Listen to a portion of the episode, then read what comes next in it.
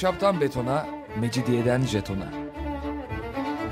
Alameti kerametinden menkul kent hikayeleri.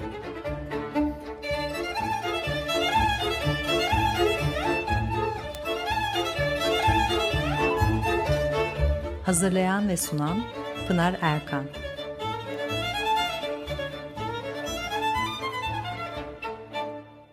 Efendim merhabalar. Bir haftalık aradan sonra yine birlikteyiz. 94.9 frekansından yayın yapan Açık Radyo'da Ahşaptan Betona, Mecidiyeden Jeton'a tam şu anda başlamış bulunmakta. Anlatıcınız ben Pınar Erkan.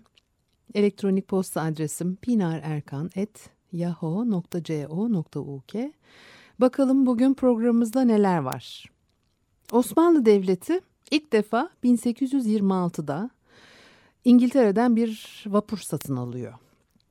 Bu gemisi adını veriyorlar bu gemiye ve ön direğinde yelkenleri olan, uzun bacasından dumanlar çıkan, yandan çarklı bir vapur. Kelly adlı bir İngiliz kaptan komutasında 2. Mahmut'un emrinde. Bu gemisi denmesinin nedeni kendi kendine küreksiz, yelkensiz yol alması. Tamam bazen yelkenini açıyor ama bu büyülü demek. İsim buradan geliyor ve İstanbul ahalisi bu daha önce e, Boğaz'da e, yürüdüğünü görmediği e, vapurlara bu gemisi ismini veriyor. Bu ilk vapurun ardından donanma ihtiyacı için başka gemiler de alınıyor. Aslında padişahın vapuruna da taht gemisi deniyor.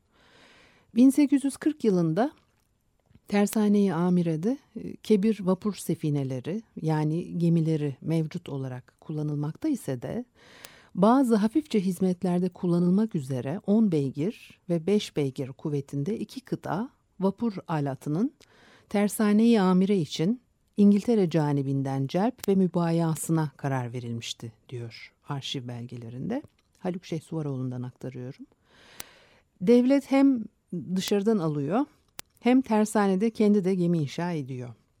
Bunlar İstanbul Boğazı'nda yolcu ve eşya taşıyorlar. Boğaz içinde ilk vapurların görülmesiyle türlü çeşit e, kayıklar, tekneler var e, denizde ve pazar kayıkları, seferleri ortadan kalkmaya başlıyor. İngilizler ve Ruslar Boğaz'da vapur işletiyorlar. 1844 yılında tersaneden çıkan iki vapurda yolcu taşımaya başlıyor. Osmanlı adına bunlar. Fevaidi Osmaniye adıyla e, çalışıyormuş bunlar ve isimleri de güzel. Esiri Hayır, Peyki Şevket, Hüma Pervaz gibi adları var. Selanik, İzmir, İzmit limanlarıyla Boğaziçi'nin bazı semtlerinde işliyorlar. Daha çok yaz mevsiminde ve kalabalık köylere gidiyorlar. Kışın ise kaldırılıyor bu vapurlar. Üsküdar ahalisi buna itiraz etmiş. Böylece 1845 yılında Peki ticaret vapuru yeniden İstanbul ile Üsküdar arasında gidip gelmeye başlıyor.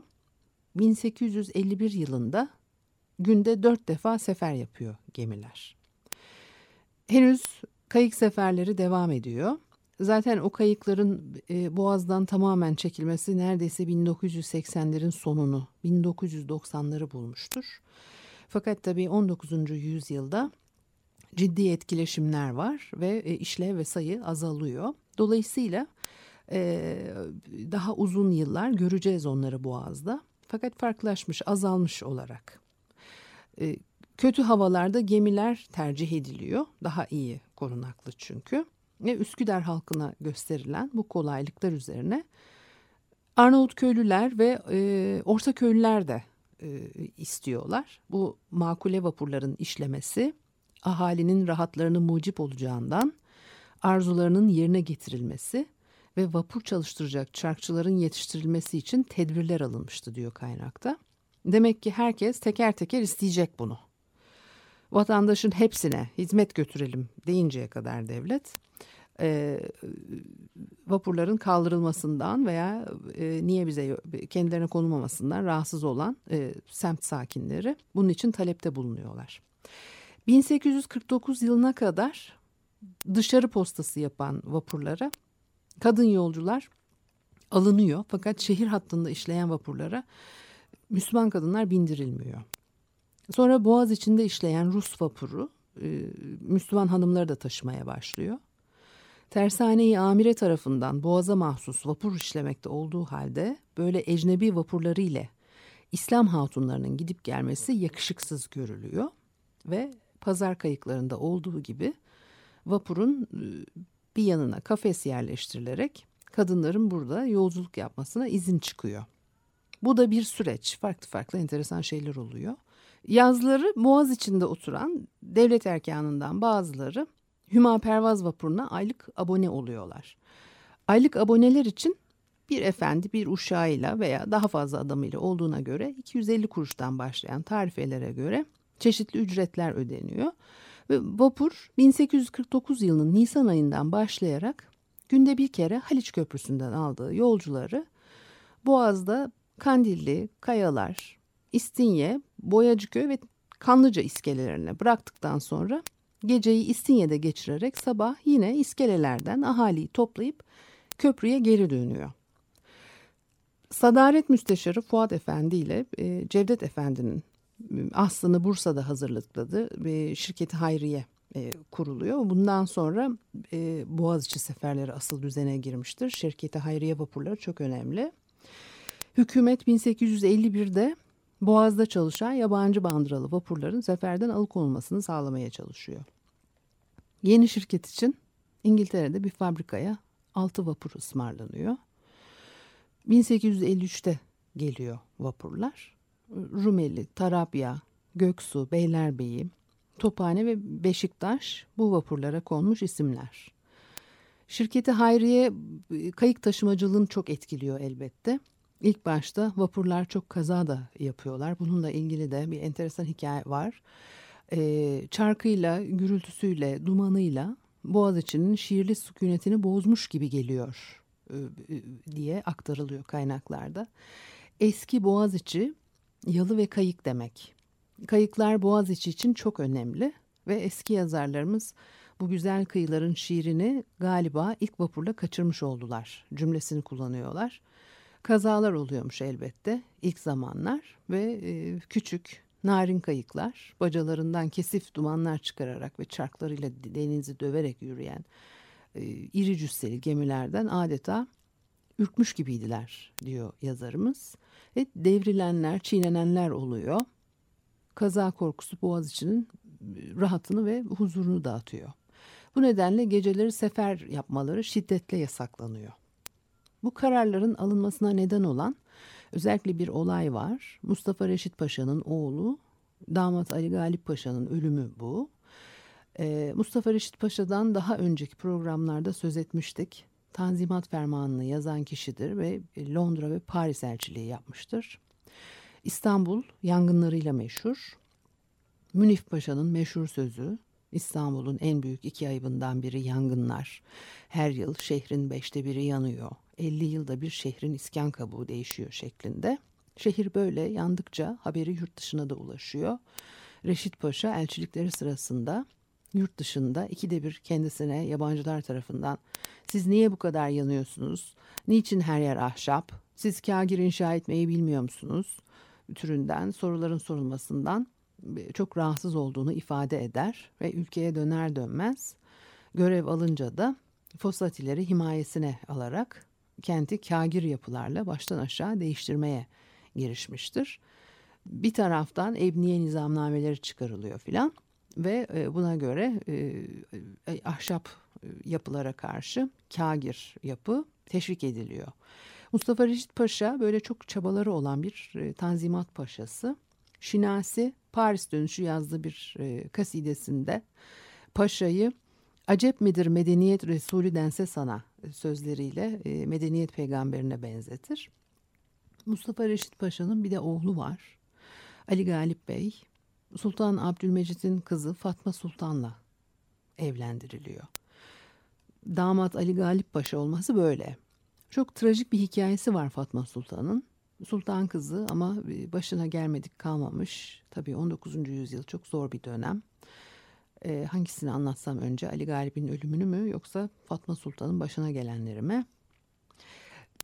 bir gece e, Yeniköy'deki bir davetten Balta Limanı'ndaki yalısına dönerken damat Ali Galip Paşa'nın kayığı bir e, İngiliz vapuruyla karşılaşmış.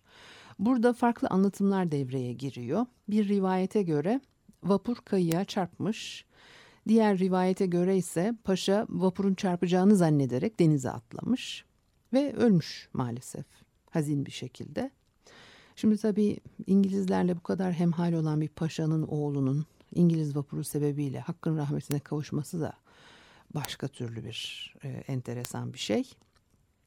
Fatma Sultan'ın hikayesini de tamamlayalım bence bu arada kısaca. Fatma Sultan bir kere e, ilk bebeğini kucağına aldıktan birkaç gün sonra ateşli bir hastalık nedeniyle kaybediyor.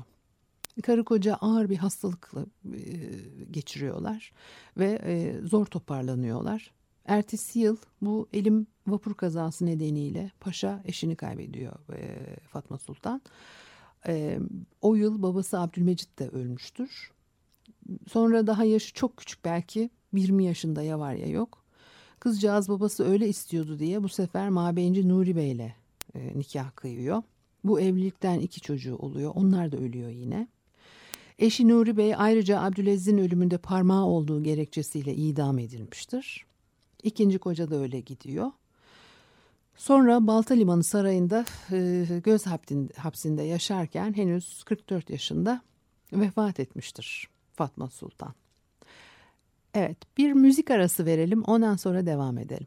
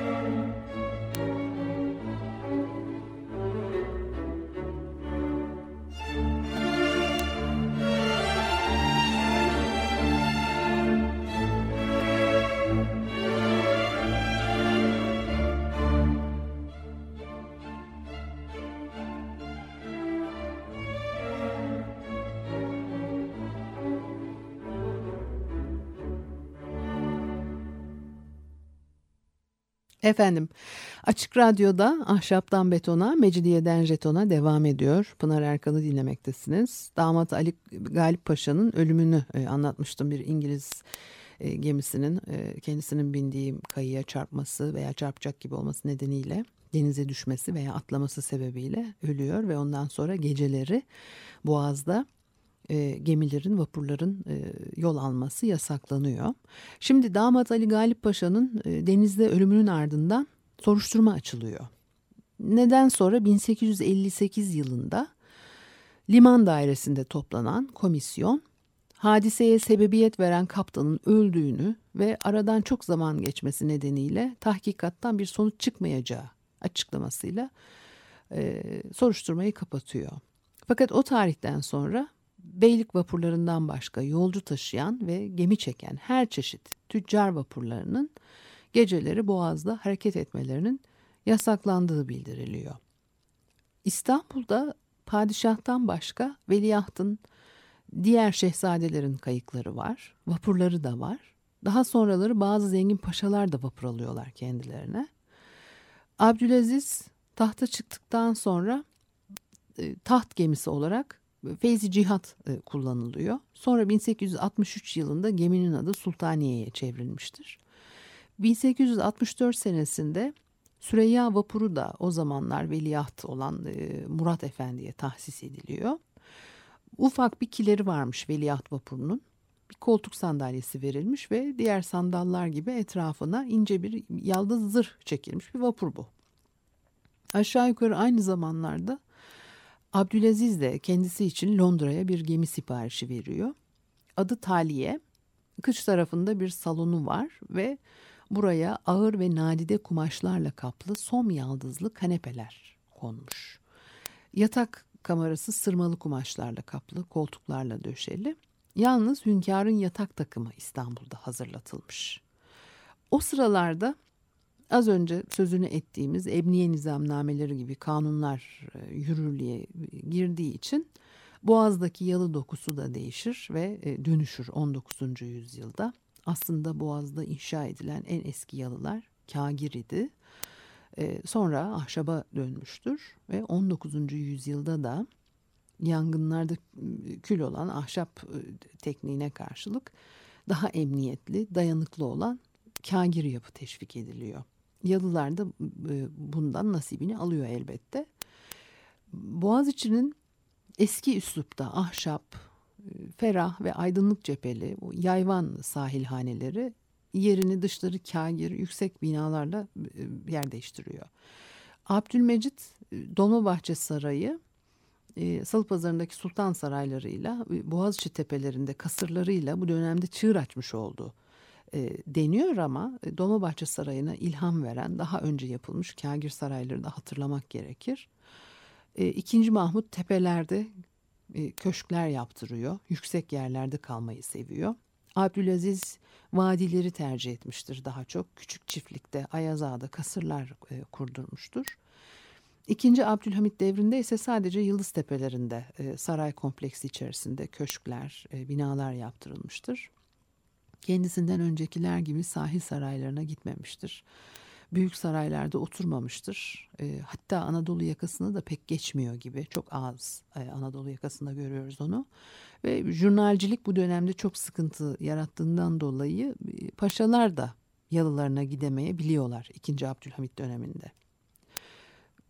Kaza olmasın diye e, gece vapurların boğazda e, yol almasına izin verilmediği gibi kayıklar da sefer yapamıyor. Belirli noktalarda karakol gemileri var.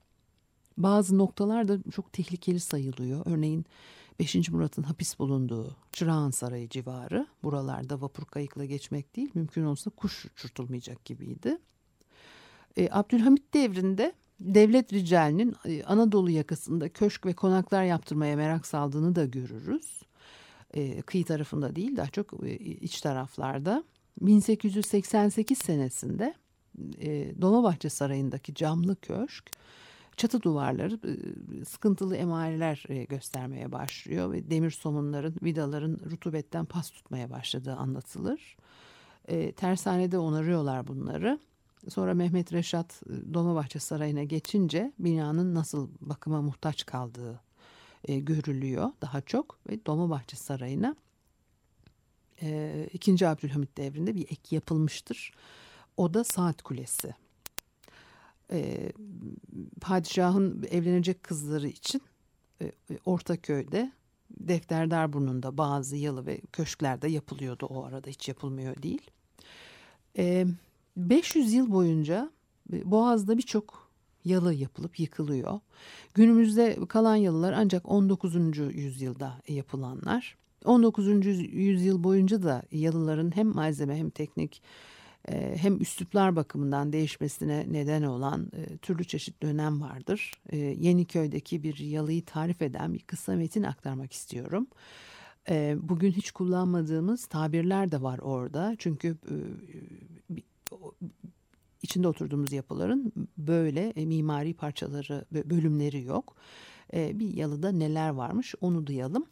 Selamlıkta deniz üzerinde fevkani bir oda ve bir sofa ve tahtani bir köşk ile kara tarafında bir oda, bir kiler ve bir koğuş ve kahve odası ve bir kayıkhane ve bir çeşme ve bir buçuk mazura tatlı su, bir mahzen, üç kata, üç kıta setli bahçe, bir mutfak ittisalindekiler, bir büyük su hazinesi, fevkani üç ahçı ve ayvaz odaları, karşı sokakta 8-10 hayvan alır ahır, samanlık, bir buçuk dönüm bahçe ve haremde fevkani deniz üzerinde bir oda, bir mabeyn odası, kara tarafında bir oda, bir sandık odası, bir sofa, bir hamam, bir cam mekan, bir küçük oda, akarsulu musluk ve tahtani bir köşk, deniz üzerinde bir oda, iki mabeyn ve büyük sofa ve bir mutfak ve iki setli bahçe diye gidiyor böyle. Boğaz içinde oturmaya başlama ve e, kışlıklara geri dönme e, yılın belirli zamanlarında çıkarılan padişah iradelerine bağlı olarak gerçekleşiyordu. Boğaz içinin eski kasırlarından bir de Göksu'dur. Aslen 18. yüzyılda yapılıyor. 19. yüzyıl boyunca da çeşitli defalar onarımlarla ciddi değişimler geçirmiştir. Ama korunmuş oluyor, yıkılmıyor diğer pek çoğu gibi. Yahya Kemal bir şiirinde e, Göksu Kasrı'ndan Şen Cepheli Kasır diye söz eder. Burada hem Osmanlı devrinde hem Cumhuriyet devrinde farklı devlet adamları misafir edilmiştir. Göksu Kasrı'nın tarihinde bir de İngiliz kralı var. Abdülaziz'in tahta çıktığı ilk yıl içinde 7. Edward henüz e, veliaht ve gayri resmi şekilde İstanbul'a gelmiş. E, Ferit Paşa kendisini karşılamak için bir vapurla Çanakkale'ye çıkıyor. O zaman Galler Prensi olan 7. Edward'ı e, İstanbul'a getiren gemi Boğaz'daki harp gemileri arasından geçip saray önüne demirliyor. Sadrazam, Hariciye Nazırı, Kaptan Paşa ve Serasker hepsi vapura çıkarak misafiri karşılıyorlar. 7. Edward gemiden saraya geçip padişahla görüşüyor. Kendisine arabalar tahsis ediliyor. Sonradan Abdülaziz de sefarete giderek iadeyi ziyarette bulunmuştur filan. Şimdi burada asıl söylemek istediğim şey İngiliz veliahtı şerefine Göksu'da bir öğle yemeği verilmesi. Ziyaret resmi olmadığı için üniformalar giyilmemiş. Bu yemek bir Osmanlı hükümdarının yabancılarla ve vezirlerle birlikte yemeğe oturduğu ilk yemek olarak e, tarihe geçmiştir. Osmanlı padişahlarının yemeklerini yalnız yediklerini yine başka bir programda konuşmuştuk. Abdülaziz'in bu sefer Beylerbeyi Sarayı'nda ağırladığı bir diğer misafir e, İmparatoriçe Öjeni'ydi. O da 1867 Avrupa gezisinin ardından gerçekleşmiştir. Beylerbeyi Sarayı'nda bir de Abdülaziz'in kendisine alıştırdığı bir aslandan söz edilir. Padişah yaz günleri saraya gittiğinde aslanı kafesten çıkartıp onunla oynar şakalaşır herkesi dehşet içinde bırakırmış. Abdülhamit'in Beylerbeyi Sarayı ile ilgili sözleri var. Diyor ki bu sarayın yeri Allah için iyidir. Havasına hiç diyecek yoktur. Fakat tarzı inşası, inşası fena, hele taksimatı hiç iyi değildir. Selanik'teki Alatini Köşkü'nün inşası, taksimatı ne kadar güzeldi. Biliyorsunuz orada e, uzun süre e, kalmak mecburiyetindeydi Abdülhamit. Orada çok rahat ettik. Manzarası da güzeldi. Duvarlar hep tuğladandı. Bir tamirat için kazımışlardı da görmüştüm. Yıldız'da benim yaptırdığım dairenin taksimatı, inşası başkaydı. Gerçi böyle muazzam değildi, küçüktü. Burası geniş bir sofa ortasında havuz, üç dört oda. Bundan ibaret. İnsan oturacak bir münasip oda bulamıyor. Bunlar amcam Sultan Abdülaziz tarafından yaptırıldı. Birçok saraylar da yaptırdı. Fakat kalfaları usta değilmiş. İkinci Abdülhamit sarayın Boğaziçi tarafında alt katta bahçe üstündeki küçük bir odayı kendisine yatak odası olarak ayırmış. Servis merdiveni aralığına da bir banyo yaptırmıştı. Bir tür soğuk algınlığı neticesinde tutulduğu zatürreden 1919 e, 1918 senesinde bu odada vefat etmiştir. Evet, bugünlük de bu kadarmış. Haftaya görüşene kadar hoşçakalınız.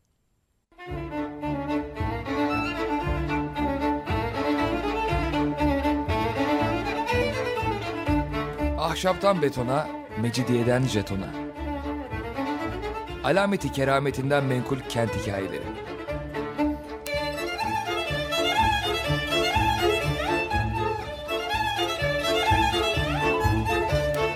Hazırlayan ve sunan Pınar Erkan.